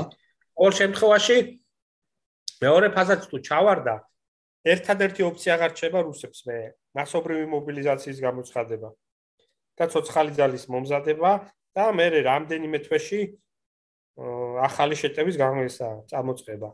ანუ ომი უნდა გაიწევოს. თუ არ მოედაპარაკეს რა.ոնც რატო უნდა მოედაპარაკოს უკრაინამ? გარდა იმისა, რომ დიდი მსხვერპლს განიცდის, თქვა ადამიანურს და მატერიალურს, როდესაც ასე ახლოა გამარჯვებასთან ეს თალკე საკითხი. ანუ შეგვიძლია ვთქვა, რომ ხო. ხო, გაიწელება, ყველა ვარიანტში გაიწელება, ამის ნიშნები არის რა. ანუ მაშინ რუსეთი გააწევს უკრაინას? რა თქმა უნდა არ აწყობს იმ თვალს. არა აწყობს სამხედრო ძლიერების თვალსაზრისით დრო უკრაინაზე მუშაობს. ეკონომიკური სანქციების პირობებში რუსეთი მარაგები ამოიწურება ამის შევსება გაუჭირდება. ამ დროს თუ გაგძელდა ეს მომარაგება უკრაინის უკრაინა გაძლიერდება გაძლიერდება მაგრამ ამის ამის ამის ფასიხთის უკრაინა მისი მოქალაქეების სიცოცხლით, მისი ჯარისკაცების სიცოცხლით, განადგურებული ქვეყნით, განსაკუთრებით აღმოსავლეთში განადგურებული ინფრასტრუქტურით, დაზაფრული მორალურ-ფსიქოლოგიური მდგომარეობით, იმიტომ რომ ას არ უნდა მткиცეთ იყო ომში მუდმივი ყოფნა. რა თქმა უნდა, ფსიქოლოგიურად ძალიან ძიმი არის. აი ეს ფასი არის, აი ამ ფასი ხდის უკრაინა იმ დროის მოგებაში, ხო? შესაბამისად მე სასტორის მეორე მხარეს ძალიან ბევრი რამე დის თან უკრაინისთვის. იქ არის ტერიტორიული მთლიანობის საკითხები, დონბასის საკითხი, ყირიმის საკითხი, ანუ ახალი მშვიდობა, ანუ მოლაპარაკებების მაგა მიზეზები რა უნდა გახდეს? პუნქტები დღეს ძალიან ძალიან ეს არის რთული სათქმელი არის რა. აი ეს ხო ეს შოვლია ჩანს თითქოს ჩიხია რთულია წარმოიდგინო რა განვითარება უნდა მოყვას ამას. ნუ შემართლა. იმიტომ რომ ომის მიზანი არის შენთვის მიუღებელი მშვიდობის სამხედრო გზით ახალსასრულ მშვიდობად ტრანსფორმირება, ხო? არ მოგწოს რაღაცა რეალობა ლეგიტიმური თუ არალეგიტიმური მიზეზით. ну სხვადასხვა შემთხვევაში სხვადასხვანაირად ხდება. იწებ იღებ გადაწყვეტილებას დაიწყო ომი იწებ სამხედრო მანქანის ამოქმედებას და ამის შედეგი გინდა მიიღო შენთვის ახალი სასურველი მშვიდობა. ანუ რუსეთის შემთხვევაში ეს იყო უკრაინის დაჩოქება მისი თქვა უარის თქვა ევროატლანტიკურ ინტეგრაციაზე აღმოსავლეთის მიწების შეიძლება საუკეთესო სცენარში ანექსირებაც კი ოკუპაცია აი ეს შემდეგ რა ნუ ის რასაც აკეთებს ხო ეს უნდა ყოფილიყო მისთვის ახალი მშვიდობა. და ანუ მოწინააღმდეგე უნდა აღიაროს, რომ დამარცხდა, ხო? ანუ სხვანაირად როგორ როგორ ხდება პოლიტიკური ბიზნეს მიღწევა. აი ეს არის ბუნდოვანი ძალიან ახლა უკრაინაში. იმიტომ რომ ამის გზა არის სამხედრო გამარჯვება. მე თუ შენ დაგამარცხე და იცი რომ ვერაფერს ვეღარ მიზა, ნუ იწებ ხო შენს მასე მოთხოვნებზე პუნქტებზე დათანხმებას. არა რუსეთმა ვერ მიაღწია ამას უკრაინაში. ანუ არა სამხედრო სურათი ისეთი რომ მის გამო უკრაინა იყოს რაღაცაზე იძულებული დათანხმდეს. არა პირიქით, ეხა ზოთა განმავლობაში უკრაინამ ისეთი ძალები რომ მოიკვირგო, საერთოდ არ არის დიდ ოპერატიული მნიშვნელობის კონტრშეტევებზე გადავიდეს და მე ვნახოთ, აბა მოლაპარაკების მაგიდან უფრო ძლიერი იქნება. ამიტომ არ ვიცი ასეთ ჩიხში ყოფი პუტინი რას იზამს, რაზე დათანხმდება. დათანხმდება იმაზე თუ არა რომ ეს მცირე წარმატება აა თარგმნოს რაღაც პროპაგანდისტულ მიღწევად რუსეთში დამით დაკმაყოფილდეს და უარი თქვას, ეს არ ვიცი. მაგრამ გზელვადი ამ პერსპექტივაში ის ის ვიცი რომ ცივილიზებული განვითარებული უკრაინა და ასეთი რუსეთი გვერდიგვე დიდხანს ვერ იქნებიან. ალბათ ან ერთი უნდა დაემხოს ოდესმე ან მეორე. აქედან გამომდინარე, ხა მეორის დამხობის ცდელობა რუსეთს კონდა არ გამოვიდა, მაგრამ გზე როგორი იქნება ახალი და შორს მიმოვალი მშვიდობა ძალიან რთული სათქმელია. იმიტომ რომ უკრაინას ძალიან დიდი მნიშვნელობა აქვს რუსული იდენტობისთვის. და ეს ჩვენს ნახეთ არ არსებობს ფაქტობრივად კონცეფცია, სადაც პოლიტიკური კონცეფცია, სადაც რუსეთ რუსული მოდელი ასურული სამყაროს მოწყობი, სადაც უკრაინას ძალიან დიდი მნიშვნელობა არ ენიჭებოდეს. და ეს რუსული სამყაროს შემოწების შემოკრების ცდელობა ის რაც დაიღაც ისტორიის გადაწერა, ის რაც ლექცია გვასმეინა პუტინმა 2 საათიანი ომის დაწყების წინ, აი ამის კვინტესენცია იყო ხა ნაბიჯის გადადგმა, მაგრამ წარუმატებელია და ამიტომ ეს რა შედეგებს მოუტანს თვითონ რუსეთს, მაგრამ ძალიან რთული სათქმელია ხა. მაგრამ ბევრი სცენარი არ არის ალბათ აქ დარჩენილი, არ ვიცი. პრინციპს ეს არის, შეიძლება ითქვას ამ ყველაფერზე რა. კი ბატონო. აა და აი ბოლოსკენ თქვენ ამბობდით იმაზე საუბრობდით ომის მომავალზე, ხო, კიბერ უსაფრთხოებას და ასე შემდეგ და მე უსე აქ დავბრუნდი და დასასრულს ალბათ ამით შეგვიძლია შევაჯამოთ ხელოვნური ინტელექტის როლი ვახსენეთ და კიდე არის ესეთი ფაქტორი მაგალითად რომ აა ნუ ცოტა უფრო შორს თუ გავიხედავთ რომ მომავალ შეიძლება ადამიანმა ფიზიკურად აღარ შეომონდა ეს ან რობოტ რობოტიკის დონეზე ხდებოდეს იგივე რობოტიკა აგვარებდეს ამას ან შეიძლება სულ სიმულაციების დონეზე ხო ეს ხო ხელოვნური ინტელექტი უკავშირდება ანუ რობოტი ტვინი რა რა უნდა იყოს ანუ მე თუ შევქმნი მაგალითად ისეთ რობოტს მაგალითად რომელსაც შეუძლია რომ ფიზიკურად იომოს იმას ფიზიკურად ადამიანს ვეღარს დაუპირისპირ რომელიც ზვისგან და ხორცისგან შედგება და შეიძლება მომავალში პირობითაც ახი არ არის გამორჩეული რა თქმა უნდა უბრალოდ ეს არის ხელოვნური ინტელექტი რა იგივე რა. ანუ ტვინი ხო ჭირდება იმ რობოტს? შენ თუ მიიღე ანუ დრონის პრინციპი თუ იყო და ოპერატორი ადამიანი იყო ეს არ არის სრულყოფილი ხო რობოტი? ანუ აქ იგულისხმება ის, რომ ანუ აი ტერმინატორის სცენარი რა. ანუ ტერვასი იქნება ეგეთი ჯარისკაცი, ხო? აჰა. 900-ია. ხო, აი ეგეთი, ხო. და აზრს კარგავს ფიზიკურად. ხო, ანუ თვითონ არის გადაწყვეტილების მიღებით ის ამოცანა, არა სიტუა, ანუ ტაქტიკურ გადაწყვეტილებას ისեղებულობს როგორც ჯარისკაცი ამოცანის შესაძლებლობას.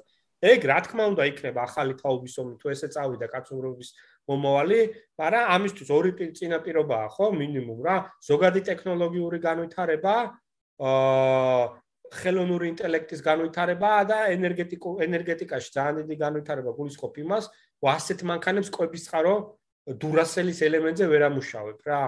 და ვერც მზის პანელებზე, ხო და 24 საათით დრონივით რაღაც პატარა დრონივით ვერ უნდა იფრინოს. ანუ რაღაცა ის ამოცანაცაა გადასაწყვეტი, რომ ასეთ მანქანას, ასეთ რობოტს დიდხანს შეეძლოს აა საბრძოლო სივრცეზე ყოფნა, ისე როგორც ჯარისკაც, ხო?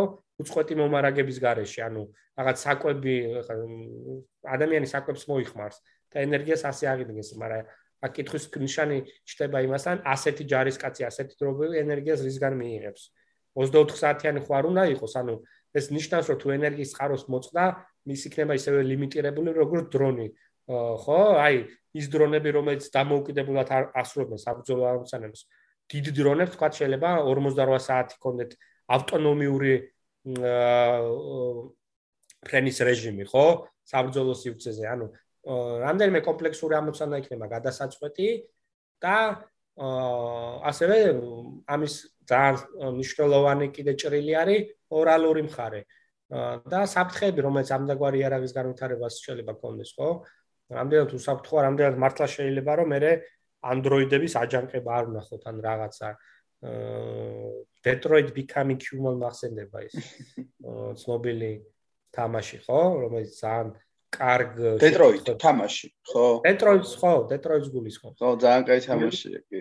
რომელიც სწორედ ასეთ შეკითხვებზე პასუხის გაცემის ერთ-ერთი მცდელობა არის. ამიტომ ეხა ეს ისეთი თემა არის, უამრავჯერ დასმულა სამეცნიერო ფანტასტიკაში და თუ კაცობრიობა აქეთ დაიწყებს მართლა სიარულს, რა თქმა უნდა, ეს იქნება მე-6 ან რა ვიცი, კიდე მე-5 თაობის მააბად მე-6, არ ვიცი, ნუმერაცია პირობია, ახალი თაობის ომი ნამდვილად იქნება.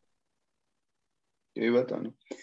ხო, რა ვიცი, ფაქტია, რომ როგორც აი ამ საუბარში იყო რომ იცვლება ეს ყველაფერი და ნუ ეს ტენდენცია გაჩერებას არაფერს თუ არ დაჩქარდა მით უმეტეს ტექნოლოგიების სწრაფად განვითარების ფონზე ხო და ისე მიუმბრუნეთ აგერ ნახე ამ ომის ობიექტურ და სუბიექტურ მხარეს იმ რობოტსაც უნდა კონდეს ტრობის განცდა აი ეს უნარი რომ ესროლოს ანუ ეს ან მას უნდა მიანიჭოს ადამიანმა პროგრამულად.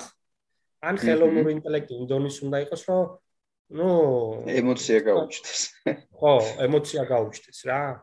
ანუ ძალიან საინტერესო რაღაცა თავისთავად ეს ალბათ ალკე საუბრის თემა საერთოდ და უფრო კომპეტენტურ სტუმართან ალბათ ვიდრე მე ვარ ამ მიმართულებით მაგრამ ზოგადად ხო 100 წლის მერე როგორი ომი იქნება დიდი სიამოვნებით ერთი თვალს შევავლებდი ახლა მე ცაკედან თუმცა იქნება აღარ იყოს ომები ესეც კიდე არ ვიცი ესეთი თემა კი რა არის ფათაშორის ეგეც საინტერესო შეკითხვა არის მაგაზე რომ მეფიქრია ჩვენ ეს საუბარი რომელიც მე მგონი ერთ საათს გადავაჭაროთ.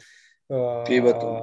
იმ დავიწყეთ იმით რომ ადამიანის უძველესი საქმიანობა არის და ადამიანის ბუნება არ იცვლება თქვენ რომ მე ხშირად ვიხსენებ ხოლმე რომ ნახოთ რაც პრინციპში ხატრულ ლიტერატურაში ძალიან კარგად ჩანს, ხო?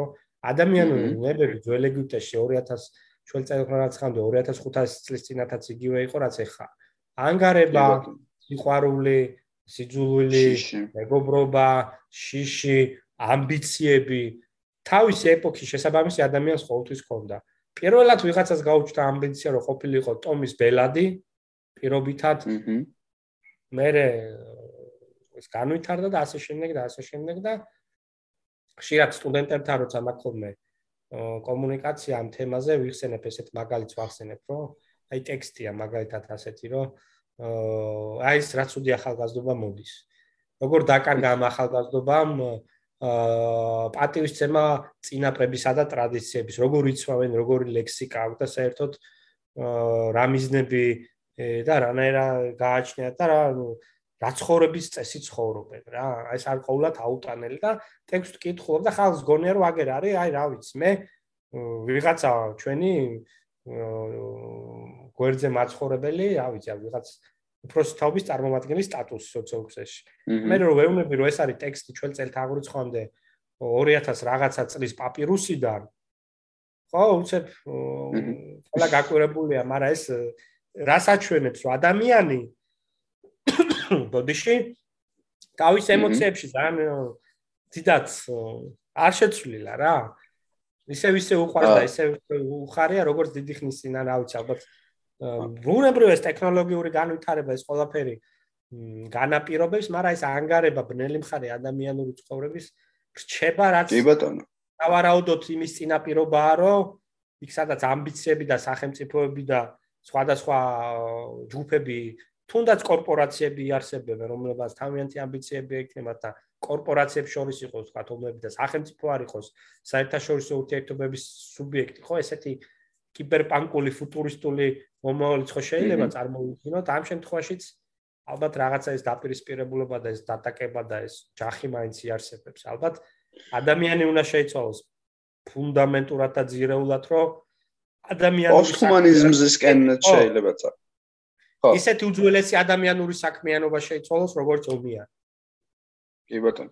ხო, ანუ ეგ ძალიან საინტერესო რაღაცაა, თუმცა მან კიდე ცალკე თემაში წავიყვანს ეს, მაგრამ აი ორი სიტყვით მეც რო ვთქვა მაგაზე, აა ერთია რომ ადამიანი ბიოლოგიურად და ფუნდამენტურად ზუსტად იგივეა, რაც დაჟე სიტყვაზე 10000 წლის წინაც კი, ხო, იგივე სახეობაა და ინსტინქტებიც იგივე დონეზე აქვს.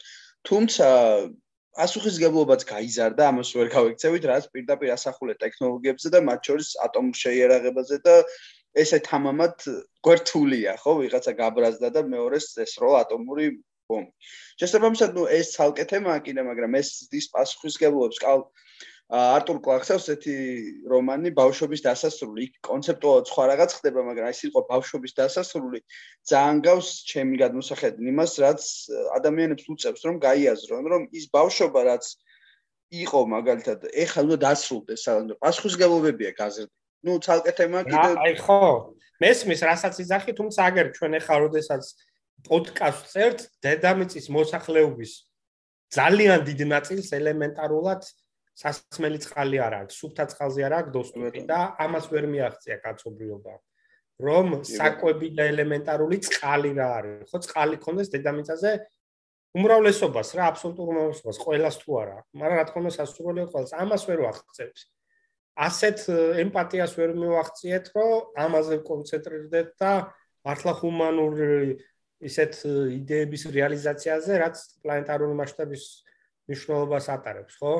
შესაბამისად ისევ რაღაცა პლანეტის გარკვეულ ნაწილში არის კონცენტრირებული ცივილიზაციაც, განვითარებაც, ტექნოლოგიებიც და ასე შემდეგ, არ არის თანაბრად განაწილებული.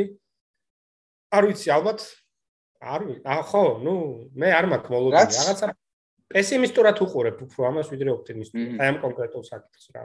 კი ბატონო, ხო, ნუ ეს კი ეს ალტიფია მე ბროდ ისეთი ხედვა მაქვს რომ მე მგონია რომ თვითონ სახეობაც ტექნოლოგიებთან ერთად დროთა განმავლობაში უნდა შეიცვალოს და ამან შეიძლება შეცვალოს კიდე ძალიან ბევრი რაღაც, იმიტომ რომ აი ხა თუ ჩვენც ახლა იმპლანტების ჩაყენება დავიწყეთ, დავიწყეთ რაღაცა ზებუნებრივი უნარების შეძენა ამის გამო მეხსიერება გაიზარდა, შესაძლებელი გახდა ადამიანური მეხსიერების გადაცემა თაობიდან თაობაში და ესეთი იგივე კიბერპანკული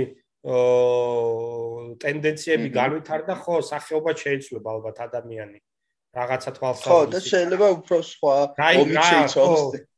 ხო, მაგრამ განადგურების ინტერესი თუ იქნება ასეთ სახეცვლილ არსებებს შორის, მაინც იარსებებს ალბათ ეს მეთოდი რაღაცა განადგურების. ხო. რთულია, ხო, რთულია მით უმეტეს თქვა იმაზე თუ რაღაცა ახალ ფორმას თუ მიიღებს. ჩვენი სახეობა რთულია თქვა ისინი რას იზამენ.